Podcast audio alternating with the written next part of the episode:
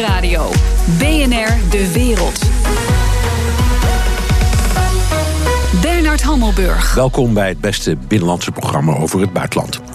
In Brussel hoor je bijna niets over de nieuwe Oostenrijkse regering. Toen in het jaar 2000 de extreemrechtse FPE aan de macht kwam, was Brussel te klein. Maar nu het weer gebeurt, is er alleen wat gemompel. Is het gedachtegoed van de FPE ook in Brussel geaccepteerd? Ik praat erover met Esther de Lange, Europarlementariër voor het CDA. Dag mevrouw Lange. Goedemiddag. Um, de FPE regeert met de conservatieven van de EVP. Toen dat in 2000 gebeurde, werden er onmiddellijk sancties ingesteld tegen uh, Oostenrijk. U werkte toen al in Brussel als medewerker. Kunt u beschrijven, herinneren u zich nog wat de reacties toen binnenskamers in Brussel waren? Ja, ik moet één ding corrigeren. Er zijn uiteindelijk toen geen sancties uh, in het leven geroepen. Uh, maar er was wel hoogspanning. En uh, he, iedereen riep toch in meer of mindere mate heel hoog van de toren. zeker vanuit de liberale fractie, vanuit een aantal linkse fracties. Van we moeten nu meteen dat fameuze artikel 7 inroepen. He, dat betekent dus als de rechtsstaat niet op orde is, dan kan je tijdelijk stemrecht ontnemen.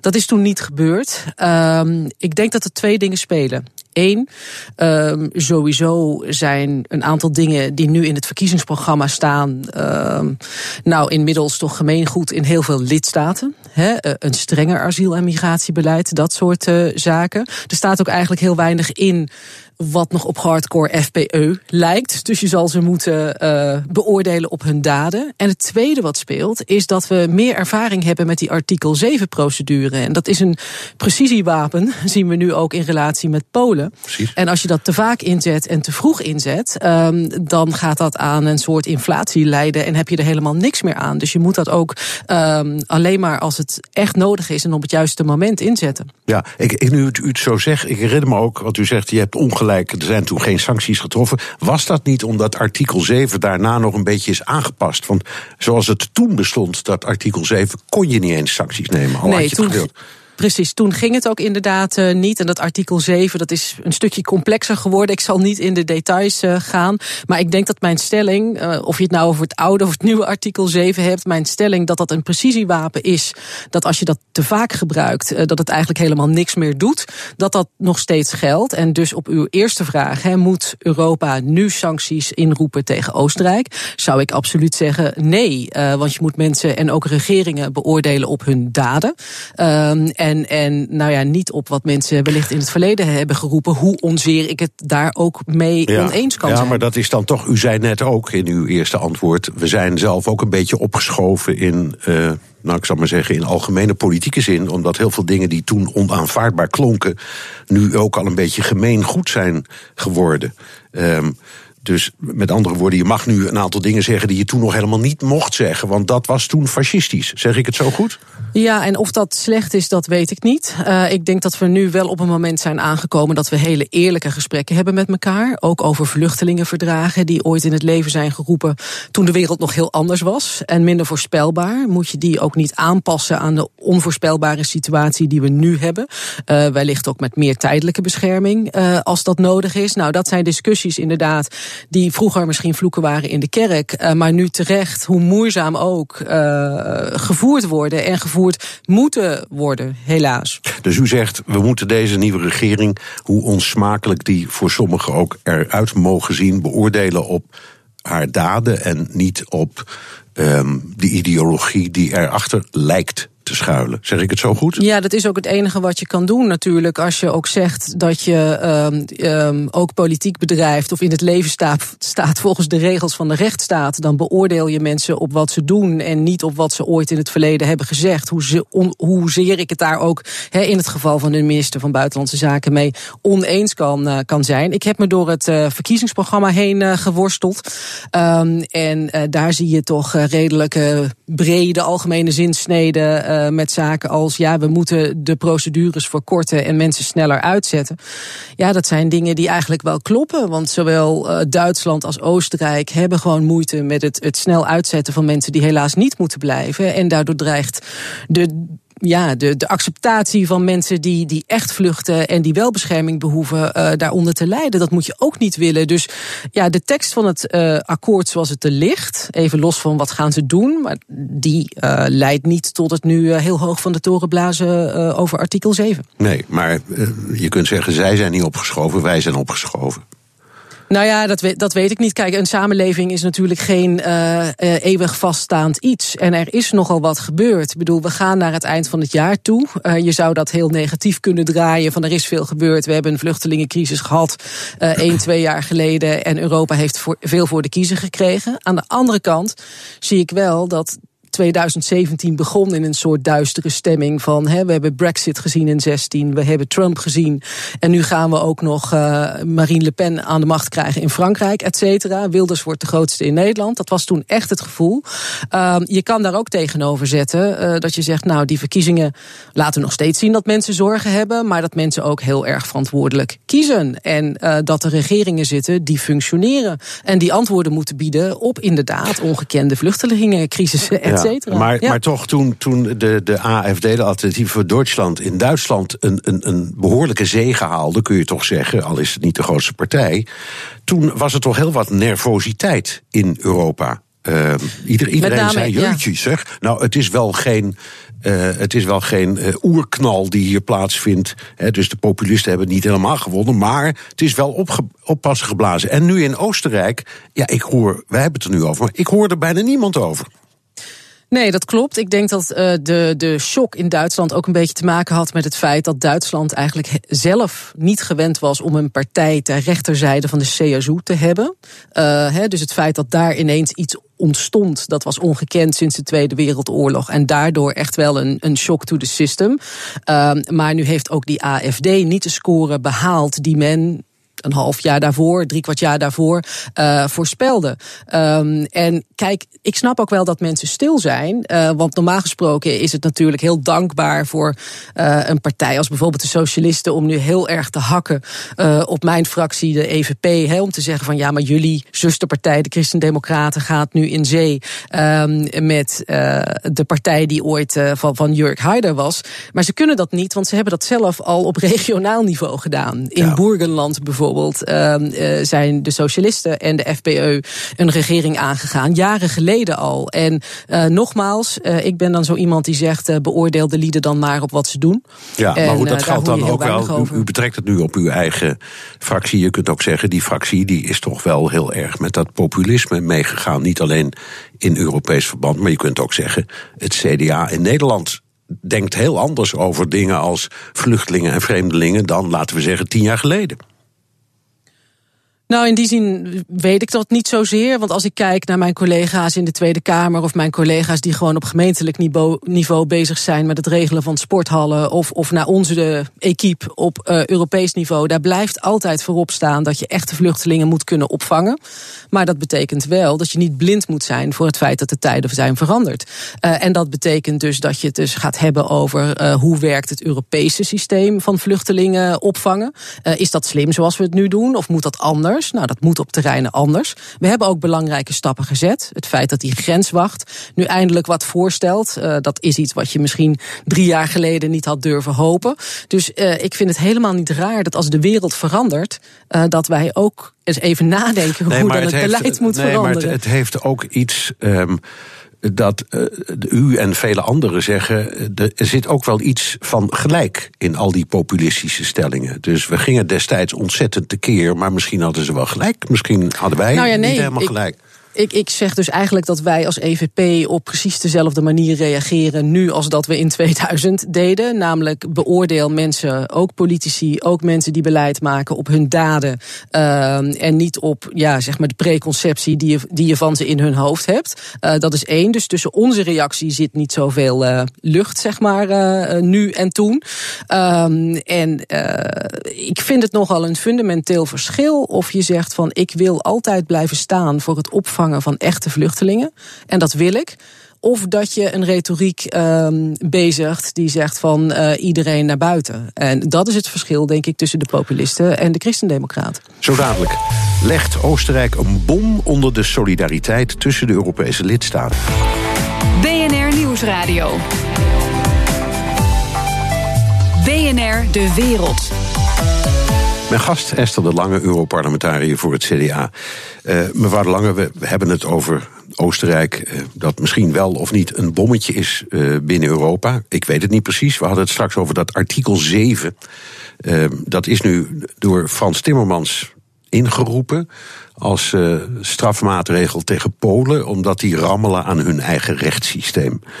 Wat is nou het verschil tussen Polen, dat toch een gele kaart krijgt, en Oostenrijk dat niks krijgt. Behalve het commentaar dat we het eerst nog maar allemaal eens moeten zien. Het fundamentele verschil is dat op het moment in Oostenrijk de rechtsstaat naar behoren functioneert. Uh, dus als ik zeg maar wat, een, een, een minister of een regering toch iets zou doen wat bijvoorbeeld verstoot tegen een vluchtelingenverdrag, een internationaal verdrag, Europese afspraken, en mensen stappen daarover naar het Hof, ga ik ervan uit dat een onafhankelijke rechter zegt: dit klopt niet. En het probleem wat we hebben in Polen uh, is dat ministers rechters kunnen benoemen en ontslaan. Dus ook uitspraken kunnen voorkomen of, of, achteraf kunnen corrigeren die uh, politiek niet in hun straatje passen. En de rechtsstaat is nou een van die dingen waarvan wij zeggen daar zijn we in Europa uh, op gebaseerd. Naast een functionerende democratie en een markteconomie. En op het moment dat je zo ver samenwerkt als wij dat doen in Europa, dan moet je elkaar ook kunnen aanspreken als, als een soort familieleden van die club, zeg maar. Op het moment uh, dat het intern niet goed gaat. En, en u had het net over verschillen tussen populisten en bijvoorbeeld christendemocraten. Een fundamenteel verschil nu is dat veel populistische partijen zeggen: ach, kan het ons schelen? Moeten die Polen lekker zelf weten wat ze doen?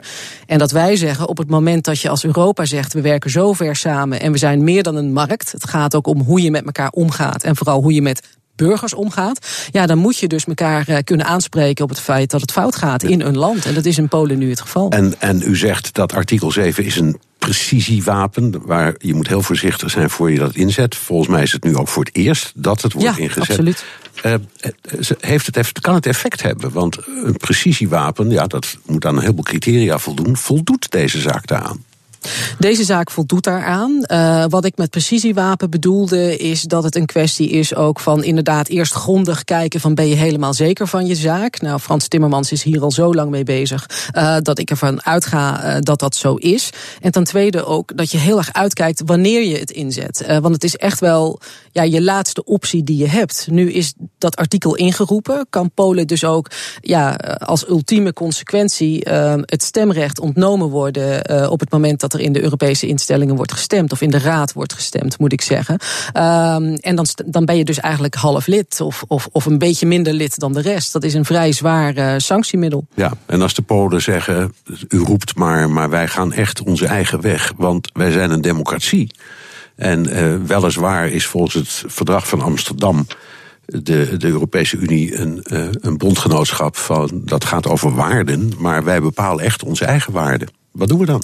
Ja, maar een democratie heeft ook oog uh, voor het garanderen van rechten van minderheden. En heeft ook uh, dus oog voor een rechtsstaat die ervoor zorgt dat ook die mensen die bijvoorbeeld niet op deze regering hebben gestemd, uh, eerlijk worden behandeld. en dus is dit wel echt het fundament waar Europa op is gebouwd. En u heeft helemaal gelijk.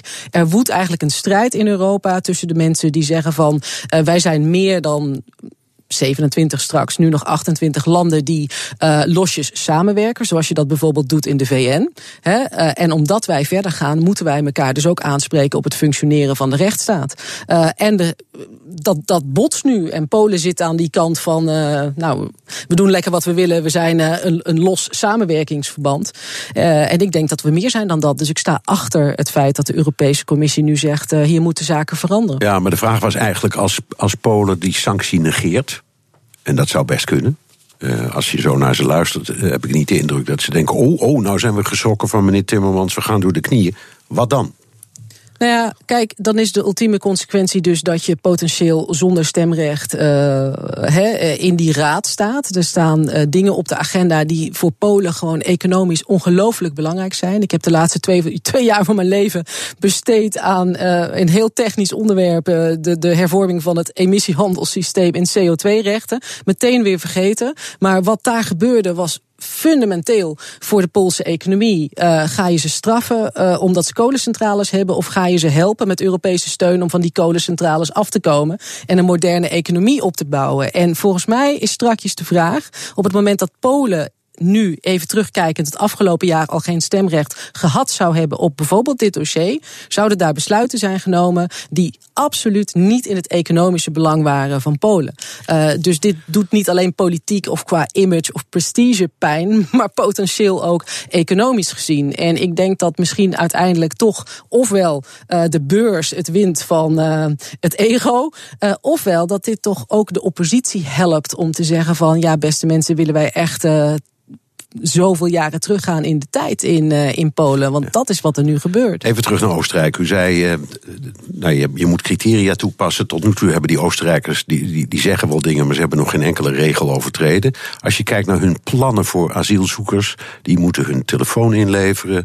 Uh, die kunnen worden geweigerd als ze niet geïdentificeerd kunnen worden. Ze kunnen worden beboet als ze hun inburgeringsexamen niet halen. Kinderen mogen pas naar school als ze de taal spreken. Mag dat allemaal volgens de Europese regels? Nou, ik ben dus even gaan kijken, inderdaad. Wat, wat met, name dat punt ook van die kinderen en uh, eventueel taallessen uh, onthouden. Hier staat eigenlijk in de tekst zelf dat er juist een spe speciale brugklassen, bridge classes worden ingevoerd uh, in de asielcentra, zeg maar, om zo snel mogelijk dat Duits uh, onder de knie te krijgen. Dus uh, die nadruk op dat Duits, op de manier zoals die in de tekst staat, ja, die vind ik helemaal niet zo slecht, want alles staat of valt met het beheersen van de taal.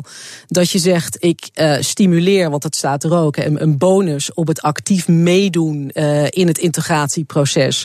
En ik, ik straf in de vorm van wellicht een lagere uitkering of zoiets dergelijks.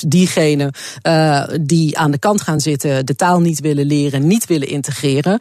Ja, volgens mij hebben wij deze discussie in Nederland ook. Ja. Uh, en moeten wij deze discussie in Nederland uh, voeren? Want ook wij hebben groepen die jarenlang. Dus, dus daar gaan we weer, daar gaan we weer die, die, de Oostenrijkers hebben dat nog niet zo gek bekeken als wij zo op een eerste oppervlakkige blik zouden doen denken. Het, het brengt mij tot een laatste punt. Oostenrijk flirt met de, de Visegrad-landen. Dus een aantal landen uit Oost-Europa, waaronder Polen en Hongarije.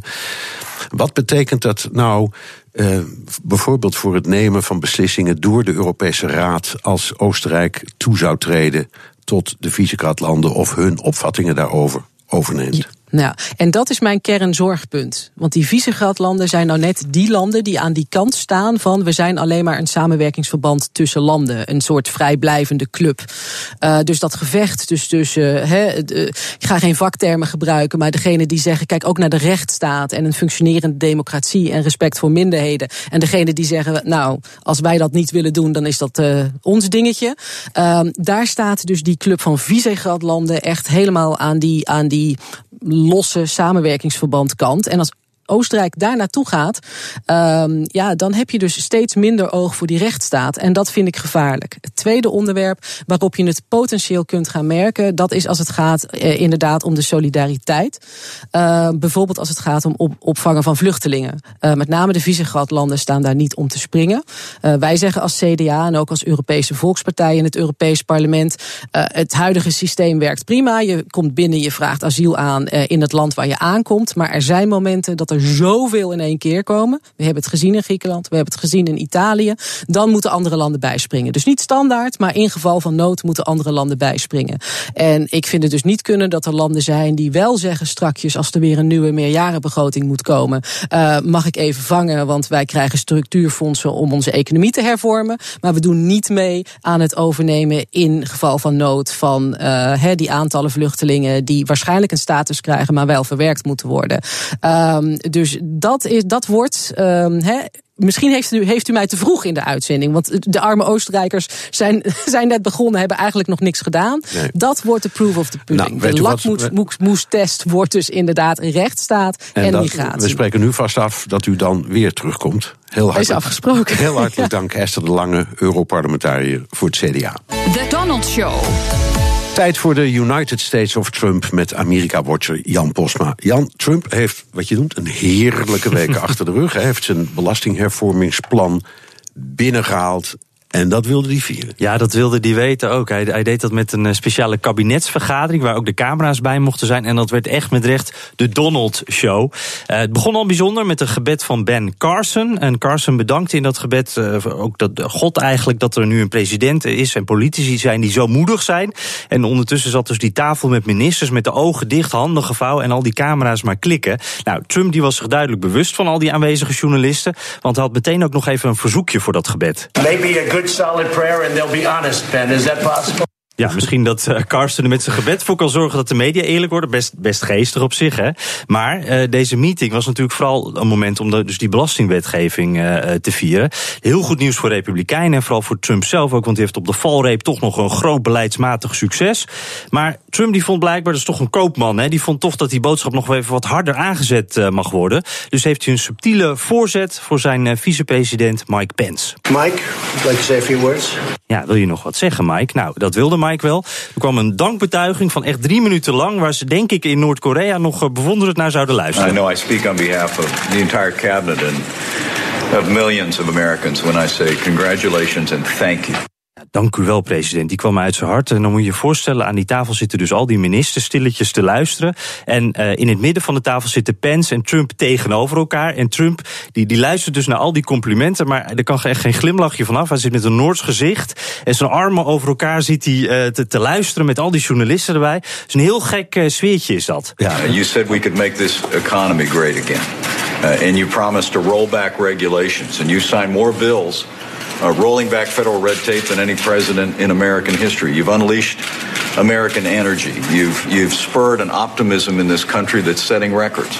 Nou, dit zijn toch maar complimenten, je zal ze maar krijgen. Maar hij blijft dus uh, chagrijnig ja, kijken. Een soort messiaanse boodschap heeft hij hier ja. over de president tegenover wie hij zit. Ja. Maar inderdaad, het, het valt op dat uh, Trump, ondanks dat enorme succes, inderdaad chagrijnig blijft kijken. Wanneer is die man ooit blij? Nou, dat vraag je dan ook af. En wat is dan, is dat een beetje een houding die hij probeert te vinden? Dat hij dan toch de grote leider wil zijn op zo'n moment? Want hij doet dus net alsof het hem allemaal niet zoveel kan schelen. Maar ondertussen vindt hij dit heel belangrijk. Uh, de Washington Post die telde even mee hoeveel complimenten die kreeg uh, van Pence. Ze hoorden 14 complimenten voor Trump in drie minuten. En dat is één compliment elke 12,5 seconden. en Pence die, die voelt er zelf ook echt wat bij. I'm deeply humbled as your vice president to be able to be here because of your leadership, Mr. President, and because of the strong support of leadership in the Congress of the United States. You're delivering on that middle class miracle. Uh, you've actually got the Congress to do, as you said, what they couldn't do with Anwar for 40 years.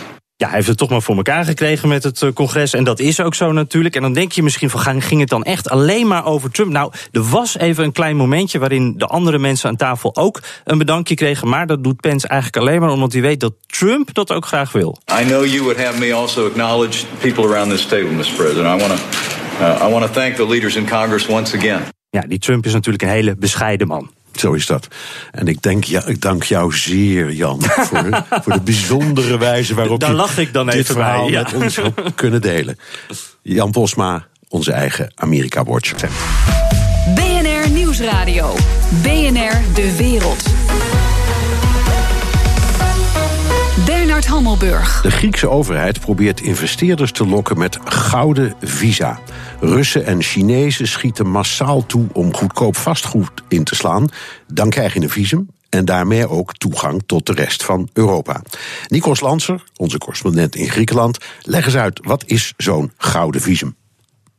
Ja, een gouden visum is een uh, manier om een verblijfsvergunning te krijgen op het moment dat je investeert in het land. En dat geldt voor uh, Griekenland, geldt voor andere landen in Europa. En in Griekenland gaat het om uh, onroerend goed of om een strategische investering in het land. En waar moet ik dan aan denken? Wat moet ik meebrengen om mijzelf zo'n visum te kopen? 250.000 euro, dat is de ondergrens. En dan gaat het om onroerend goed. En als je zou willen investeren in bedrijven, dan is het uh, zelfs nog uh, beter. Want dan krijg je niet vijf jaar een verblijfsvergunning, maar tien jaar een verblijfsvergunning.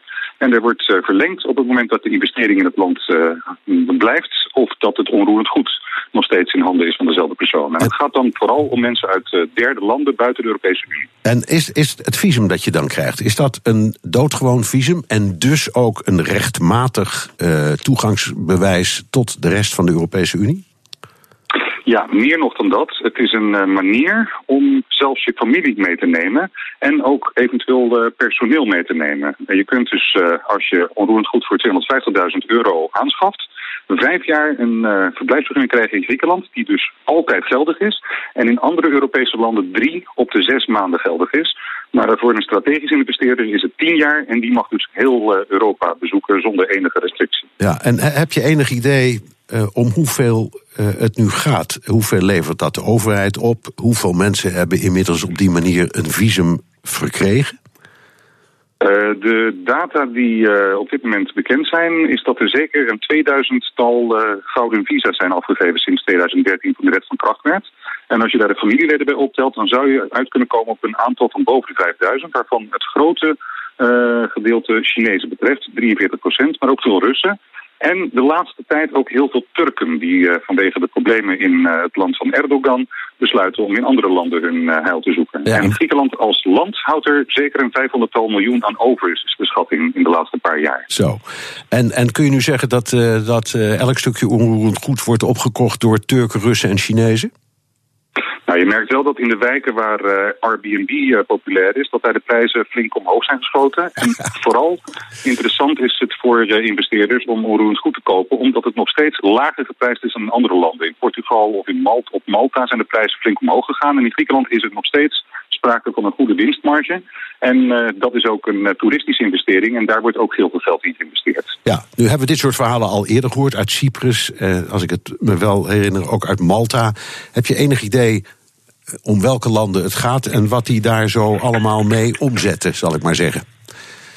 Er zijn inmiddels een heleboel landen die hetzelfde uh, doen. En de populairste landen zijn de landen die ook uh, staatsburgerschap koppelen aan de papieren. Dat doet Griekenland niet, maar dat kan wel. Bijvoorbeeld waar je voor uh, 1,15 miljoen en met één jaar wonen op het eiland de staatsburgerschap krijgt. En ook Portugal, als je daar een paar jaar bivakkeert, zes jaar, dan kan je er staatsburger worden zonder er ooit verbleven te hebben. Andere landen koppelen het weer aan staatsobligaties, Bulgarije, Hongarije.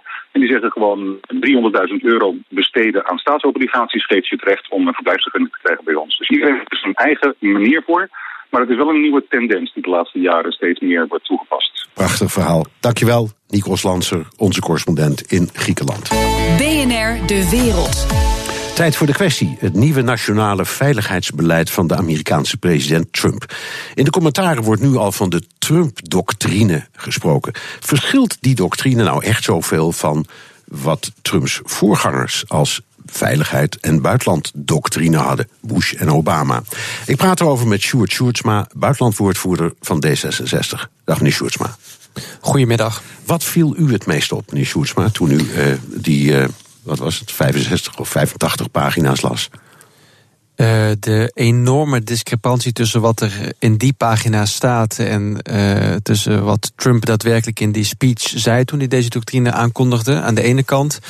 En de grote gelijkenissen tussen de, de veiligheidsdoctrines inderdaad van voorgaande presidenten met de doctrine die op papier staat. Ja, nou leg even uit. Dus u zegt, wat we vaak met Trump hebben, hij zegt iets heel anders dan die in dit geval ongetwijfeld heeft laten opschrijven. Want er is, meen ik, elf maanden aan dit document gewerkt. Dus hij presenteert ja. het en hij komt met een totaal andere tekst dan wat u leest. In de eerste plaats, wat hoort u van hem en wat leest u? Ja, dat is een, een goed onderscheid. Kijk, wat we hem van hem hebben gehoord de afgelopen tijd over autoritaire regimes als uh, Rusland en als China, zijn natuurlijk eigenlijk vriendelijke woorden, uh, complimenten. Maar als je dan kijkt wat er in die Trump-doctrine staat, in tegenstelling tot die vriendelijke retoriek over Poetin van Trump, dan staat er. En ik citeer: Rusland wil de Amerikaanse invloed in de wereld ondermijnen en verdeeldheid zaaien tussen ons en onze bondgenoten. Met gemoderniseerde, subversieve tactieken bemoeit Rusland zich met de binnenlandse politieke ontwikkelingen in tal van landen. Uh, kraakheldere taal. Uh, ook een, een, volledig correcte en terechte analyse. Uh, maar natuurlijk één die zwart op wit slaat ten opzichte van wat Trump dan zelf zegt over Rusland. Want, over wat zegt hij dan over Rusland? Nou ja, hij is een bewonderaar van Poetin. Poetin is zijn vriend. Um, ja, dat staat natuurlijk echt in, in. Ik bedoel, dat soort. Alleen al de, de, de vriendelijke retoriek die daarvan uitgaat, staat in schril contrast tussen de bedreiging Uh, want zo wordt Rusland uh, gekarakteriseerd in de doctrine. Uh, de bedreiging die er vanuit Rusland gaat, ja. uitgaat. die vraag die komt steeds naar voren en we gaan er straks nog wel een beetje op door. Maar dat is altijd met Trump. Wat moet je nou geloven? Wat hij zegt of wat hij laat opschrijven? Um, het is van beide een beetje, maar ik vrees het meeste uh, van wat hij zegt. Uh, een, een, een, een Midden-Oosten deskundige, een, een autoriteit in Washington zei eens dat er zeer gedegen buitenlanddiscussies worden gevoerd rondom Trump door zijn adviseurs in het State Department. Dat, maar dat zodra Trump binnenkomt, de boel omslaat in een kippenhok en alles weer op tafel legt. En dat is natuurlijk ook zo. Kijk naar wat hij de afgelopen tijd uh, heeft gedaan uh, in, op het buitenlandterrein. Dan lijkt er gewoon drie eventjes uitpakken. Uh, die rechtstreeks tegen het belang van de Verenigde Staten ingaan. Eén, die verhuizing van de ambassade naar Jeruzalem. Twee, het ondergraven van de zo belangrijke nucleaire deal met Iran. En drie, het totaal ontkennen van het feit dat klimaatverandering een heel, heel belangrijke bedreiging is voor ons leven op aarde. Want dat is, en dat is overigens niet alleen komt het niet voor in zijn speech, maar dat komt ook uh, niet meer voor in de doctrine op papier. Nee, maar je kunt ook zeggen, klinkt onaardig hoor, wat ik nou ga zeggen. Mm. Het is een beetje klein bier. Want dat verhaal over die Amerikaanse ambassade, dat moeten we eerst nog maar eens zien. Dat hij dat ook echt doet. Dat hij echt die ambassade verhuist. Het ja. opzeggen van, het, van de overeenkomst met Iran, ja, dat hoor je wel. Maar er zijn heel veel mensen, ook in Washington, die zeggen dat gaat helemaal niet gebeuren. Um, dus het, het, zijn, het zijn dreigementjes, het zijn dingetjes. Um, Hetzelfde geldt voor klimaat, wat u net als voorbeeld noemt. Hij roept dat wel, maar in de staten in Amerika gaan ze gewoon door met een heel modern klimaatbeleid. Mm -hmm. Dus valt misschien ook allemaal wel mee. Terwijl, eh, als ik er zo doorheen kijk, door, die, uh, door dat hele pak papier, dan, dan valt mij bijvoorbeeld op mm -hmm. uh, de inzet van kernwapens. Die, die niet alleen meer zou plaatsvinden als het om een nucleair conflict gaat, maar ook misschien om een niet-nucleair conflict. Denkt u dan niet, ja, maar dat is echt belangrijk, dat is echt een enorme verandering? Dat is inderdaad ook een enorme verandering en dat is ook schrikbarend. En, en hier is, uh, u, noemt nou een van de uh, meest opvallende elementen waarbij de doctrine op papier goed overeenkomt met wat Trump eerder heeft gezegd. Hij heeft eerder gezegd dat was natuurlijk wel eh, hyperbolisch, maar desalniettemin gezegd: ja, wij moeten eigenlijk dat nucleaire arsenaal van de Verenigde Staten moeten we vertienvoudigen. En nou ja, dat zou, uh, bedoel, dat is niet alleen eh, tegen, tegen alle conventionele veiligheidsbeleid in, maar dat zou ook leiden tot een enorme wapenwetloop. En we zien hier inderdaad toch dat de Verenigde de Staten hier een stap zetten waarvan je je moet afvragen of dat een verstandige stap is. En ook hoe zich dat verhoudt tot datgene wat in het NAVO-handvest is opgenomen. Want de NAVO is natuurlijk een nucleaire bondgenootschap. Maar daar gaat het wel over de inzet van nucleaire wapens als uiterste, uiterste middel. Maar misschien, u, u, u zei, en daar wil ik toch even op reageren: van ja, moeten we dit nou niet met een korreltje zout nemen? Hè, deze acties van Trump op het wereldtoneel. Eh, laat mag ik een klein voorbeeld geven waaruit dat volgens mij betreft blijkt dat dat niet verstandig is. Zijn aanvallen op de pers bijvoorbeeld, uh, waar hij veelvuldig het woord fake news gebruikt. Wij zien, en dat kwam in een recent rapport van uh, een persvrijheidsorganisatie wereldwijd, nu al dat autoritaire leiders wereldwijd journalisten aan het opsluiten zijn vanwege, en u raadt het al, het kopje fake news. Dus ook woorden, ook aankondigingen van beleid zonder dat het is uitgevoerd, kan wel degelijk hele grote en soms vaak negatieve effecten hebben. Zo dadelijk. Lijkt het nieuwe veiligheidsbeleid van Trump meer op dat van Obama dan op zijn eigen woorden tijdens de verkiezingsrace? BNR Nieuwsradio. BNR De Wereld. Mijn gast Sjoerd Sjoerdsma, buitenlandwoordvoerder van D66. Meneer Sjoerdsma, we hadden het net over ja, de interpretatie van dat, uh, die Trump-doctrine. Um, ja. Laten we even, u had het er al over, kijken naar uh, de opvatting over de NAVO. Er is voortdurend sinds Trump met zijn campagne begon tot nu voortdurend twijfel geweest over dat artikel 5. Een mhm. aanval op één is een aanval op alle. Omarmt hij dat nou, omarmt hij dat nou niet?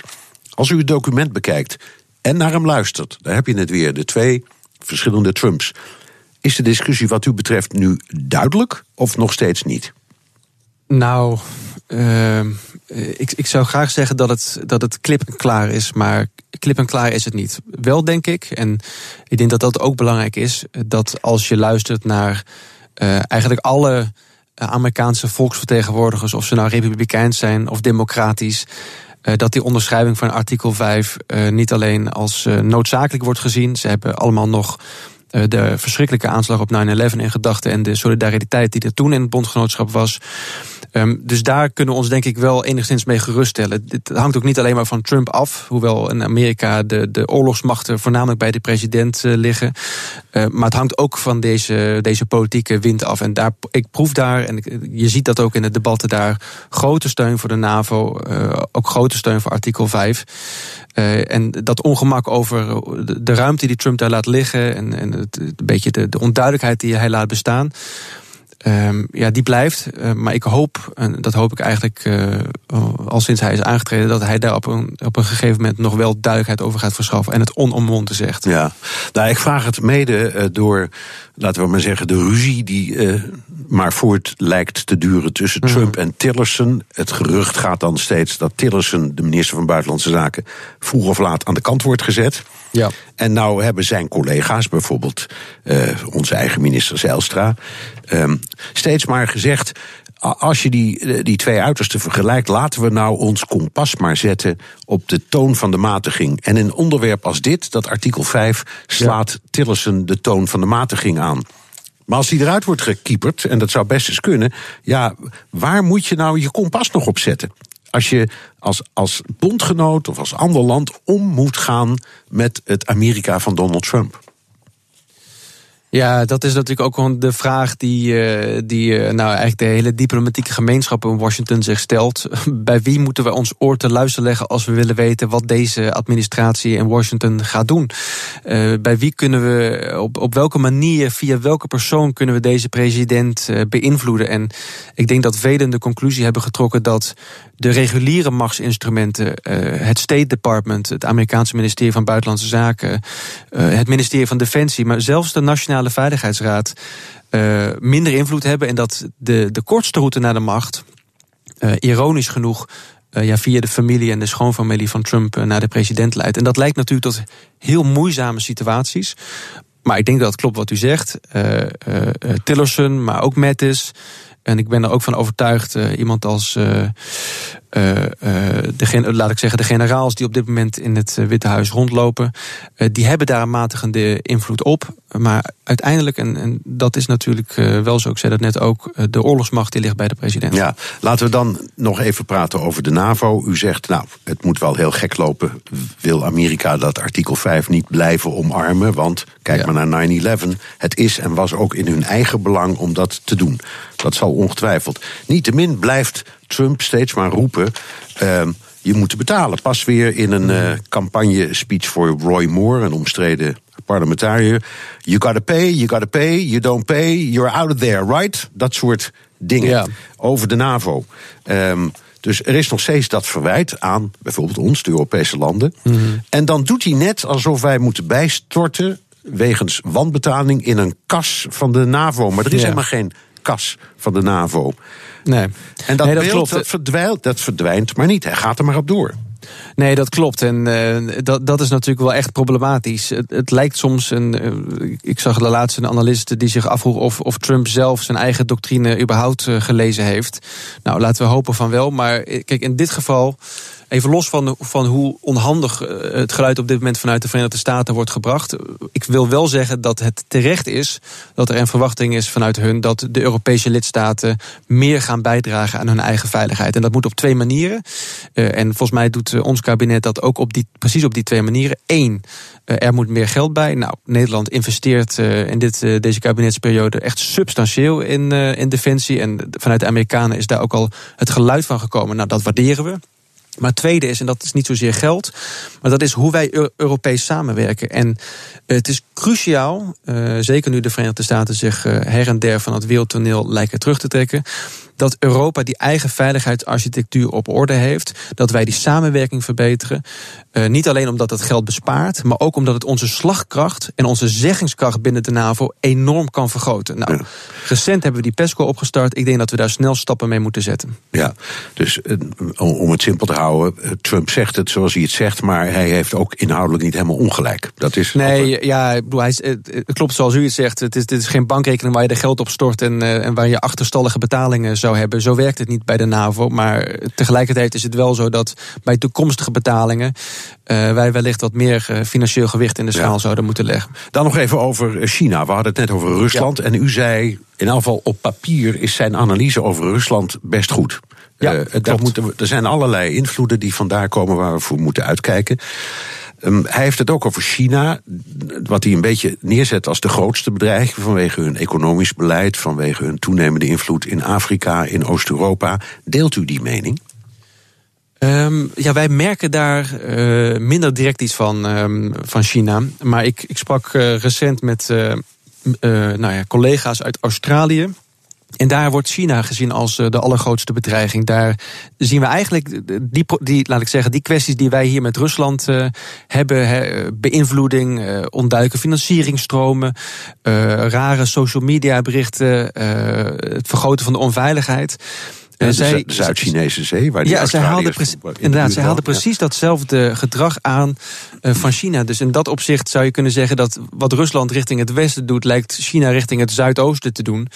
Nou, en dat is natuurlijk ook voor ons zorgwekkend. Laten we wel zijn, wij, Europa ligt niet in die regio, maar wij zijn echt gebaat uh, bij, bij, bij vrijhandel. Wij zijn gebaat bij, bij uh, het floreren van de democratie.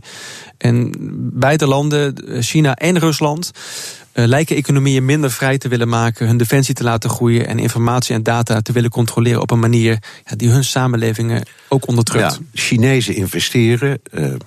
In Roemenië, een spoorlijn in Hongarije. Ze hebben de haven van Piraeus in Griekenland inmiddels vrijwel helemaal opgekocht. Ze bezitten een deel van de Rotterdamse haven.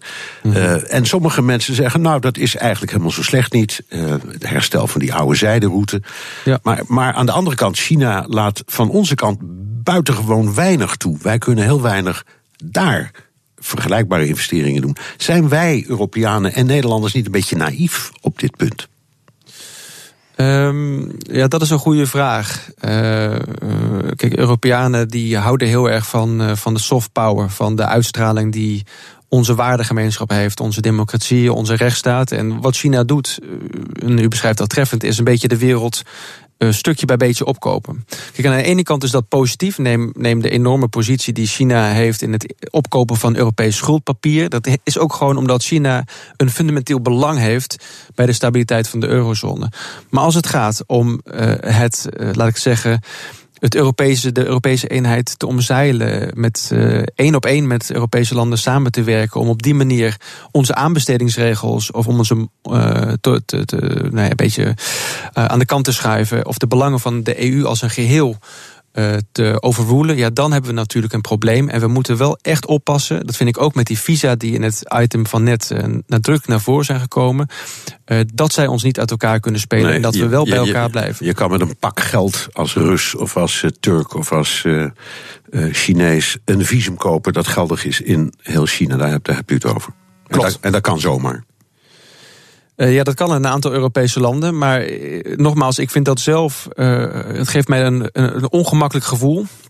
Omdat inderdaad, op het moment dat strategische uh, investeringen worden gedaan in bepaalde landen. En havens zijn natuurlijk strategische investeringen. Banken zijn strategische investeringen. Uh, het opkopen van defensiemateriaal. We moeten echt opletten, want China heeft daar een handje van. Om, om wel met Griekenland samen te willen werken, maar de Europese Unie links te laten liggen. Wel met Bulgarije te willen samenwerken, maar Brussel te negeren. En, en dat moeten we natuurlijk niet hebben. Samen Samen zijn de Europese landen een speler van wereldformaat. Maar afzonderlijk, afzonderlijk zijn we kwetsbaar en worden we tegen elkaar uitgespeeld. Dank, Sjoerd Sjoerdsma, buitenlandwoordvoerder voor D66. BNR De Wereld. It's the economy, stupid. Waar het uiteindelijk in de politiek en in de wereld om draait, is geld. Paula Seur, economiecommentator, waarop houd jij vandaag jouw financiële oog? op de luchtvaartproblemen die de Brexit uh, gaat, uh, gaat meebrengen. Het Financiële Dagblad schrijft er uitgebreid over. Want in januari zal er waarschijnlijk ook weer verder over onderhandeld worden. Maar het probleem van de luchtvaart is dat dat uh, jarenlang altijd uit bilaterale verdragen bestond. Alleen met, met de opbouw van de, van de Europese Unie is daar ook als, als blok onderhandeld. Ze hebben bijvoorbeeld met de Amerikanen, met het Open Skies verdrag bijvoorbeeld. En de grote vraag is nu van wat gaat dat voor de Britse luchtvaartmaatschappijen betekenen, onder meer als straks vanaf 1919 ja. we echt uit elkaar gaan. Eerst even één ding. Er is één land dat altijd als uh, principe open skies heeft gehanteerd. En welk land is dat? Nou, vertel het me, Bernard. Nederland. Ah. Nederland heeft altijd open skies opvatting gehad. Dus iedereen mocht hier altijd landen. Nou ja, dat is op zich, op Ja. zich heel, eh, een heel liberaal en open standpunt natuurlijk van de Nederlanders. Maar Nederland heeft ook het meeste last waarschijnlijk van de Britse problemen van, als gevolg van deze brexit. Omdat Schiphol wordt eigenlijk wel als de, de vierde luchthaven van Londen eh, gezien. Omdat heel veel ook van die, eh, van die pretvluchten uit, uit Engeland, die vakantiegangers naar, naar de Spaanse kust moeten brengen, die, die gaan via, via Nederland Ja. voor een deel. En het probleem wordt ook intern voor, voor Britse vakantiegangers dan met name van, ja, leg de lezers van de Sun maar eens uit dat ze straks niet meer in, eh, in Alicante op, eh, op vakantie Nee, kunnen. nou, nou kan ik me voorstellen dat daardoor Virgin en British Airways en nog andere eh, Britse luchtvaartmaatschappijen in, in de problemen komen. Maar hoe is het andersom? Want je, je kan zeggen, misschien zit daarvoor, ik noem maar wat, Air France KLM juist een enorm voordeel in. Misschien deze- wat wisselgeld. Of Ja. dat we ja, op, op de Amerikaanse vlucht wellicht. Nou, in ieder geval wordt alles waarschijnlijk helemaal opengebroken. Omdat ja, je maakt geen deel meer uit. Het is een belangrijke speler die uit dat Europese blok eh, dan ineens. Dus dat zal allemaal opnieuw moeten worden onderhandeld. Maar eh, waarschijnlijk komt er toch wel wat ademruimte hoor, vanaf 2020 in een soort overgangsregeling. Dat juist eh, die luchtvaart, wat, wat een heel specifiek eh, probleem is als gevolg van die, van die brexit, om dat te gaan oplossen. Wij hebben met de Britten nog een verdrag uit 1946. En dat was bedoeld om in Schotland te kunnen landen, een tussenlanding. Want er moest er worden bijgetankt, anders kon je de oversteek over de Atlantische Oceaan helemaal niet eens, ja, niet eens dat was halen. ook de, de eerste vlucht die de KLM na de, na de oorlog uitvoerde was naar Londen. Dus er is inderdaad altijd een bijzondere, eh, ik zal maar zeggen, relatie geweest op dat gebied. Maar wat betekent het nou als het misgaat concreet voor de Britten? Want die hebben natuurlijk het meest last. Ja, het punt is dat de wederzijdse belangen toch wel zo groot zijn dat er ook een enige bereidheid is om, om hier uit te gaan komen. Het is natuurlijk een heel, heel gevoelig en eh, ja, ook mediageniek eh, probleem natuurlijk. Hè. De luchtvaart is, is een heel concreet eh, geval van, eh, van samenwerking waar een, eh, waar een einde aan zou, zou kunnen komen. Eh, ja, er zullen nieuwe afspraken gemaakt moeten worden. Dus eh, dat is eigenlijk het grootste probleem. Dat het een, een soort wisselgeld dreigt te worden in al die andere onderhandelingspunten. En ik denk dat dat eh, met name is waar de, de Britten voor, eh, voor moeten vrezen. Maar eh, vooralsnog is de hoop dat ja, de, de, de, noodzaak om hieruit te komen groot genoeg is om, om wat te kunnen regelen. Het gaat op de grote Brexit-stapel. Dank, economiecommentator Paul Asseur. En tot zover BNR De Wereld. U kunt de uitzending terugluisteren via de podcast of de BNR-app. Mijn naam is Bernard Hammelburg. Dank voor het luisteren. Tot volgende week.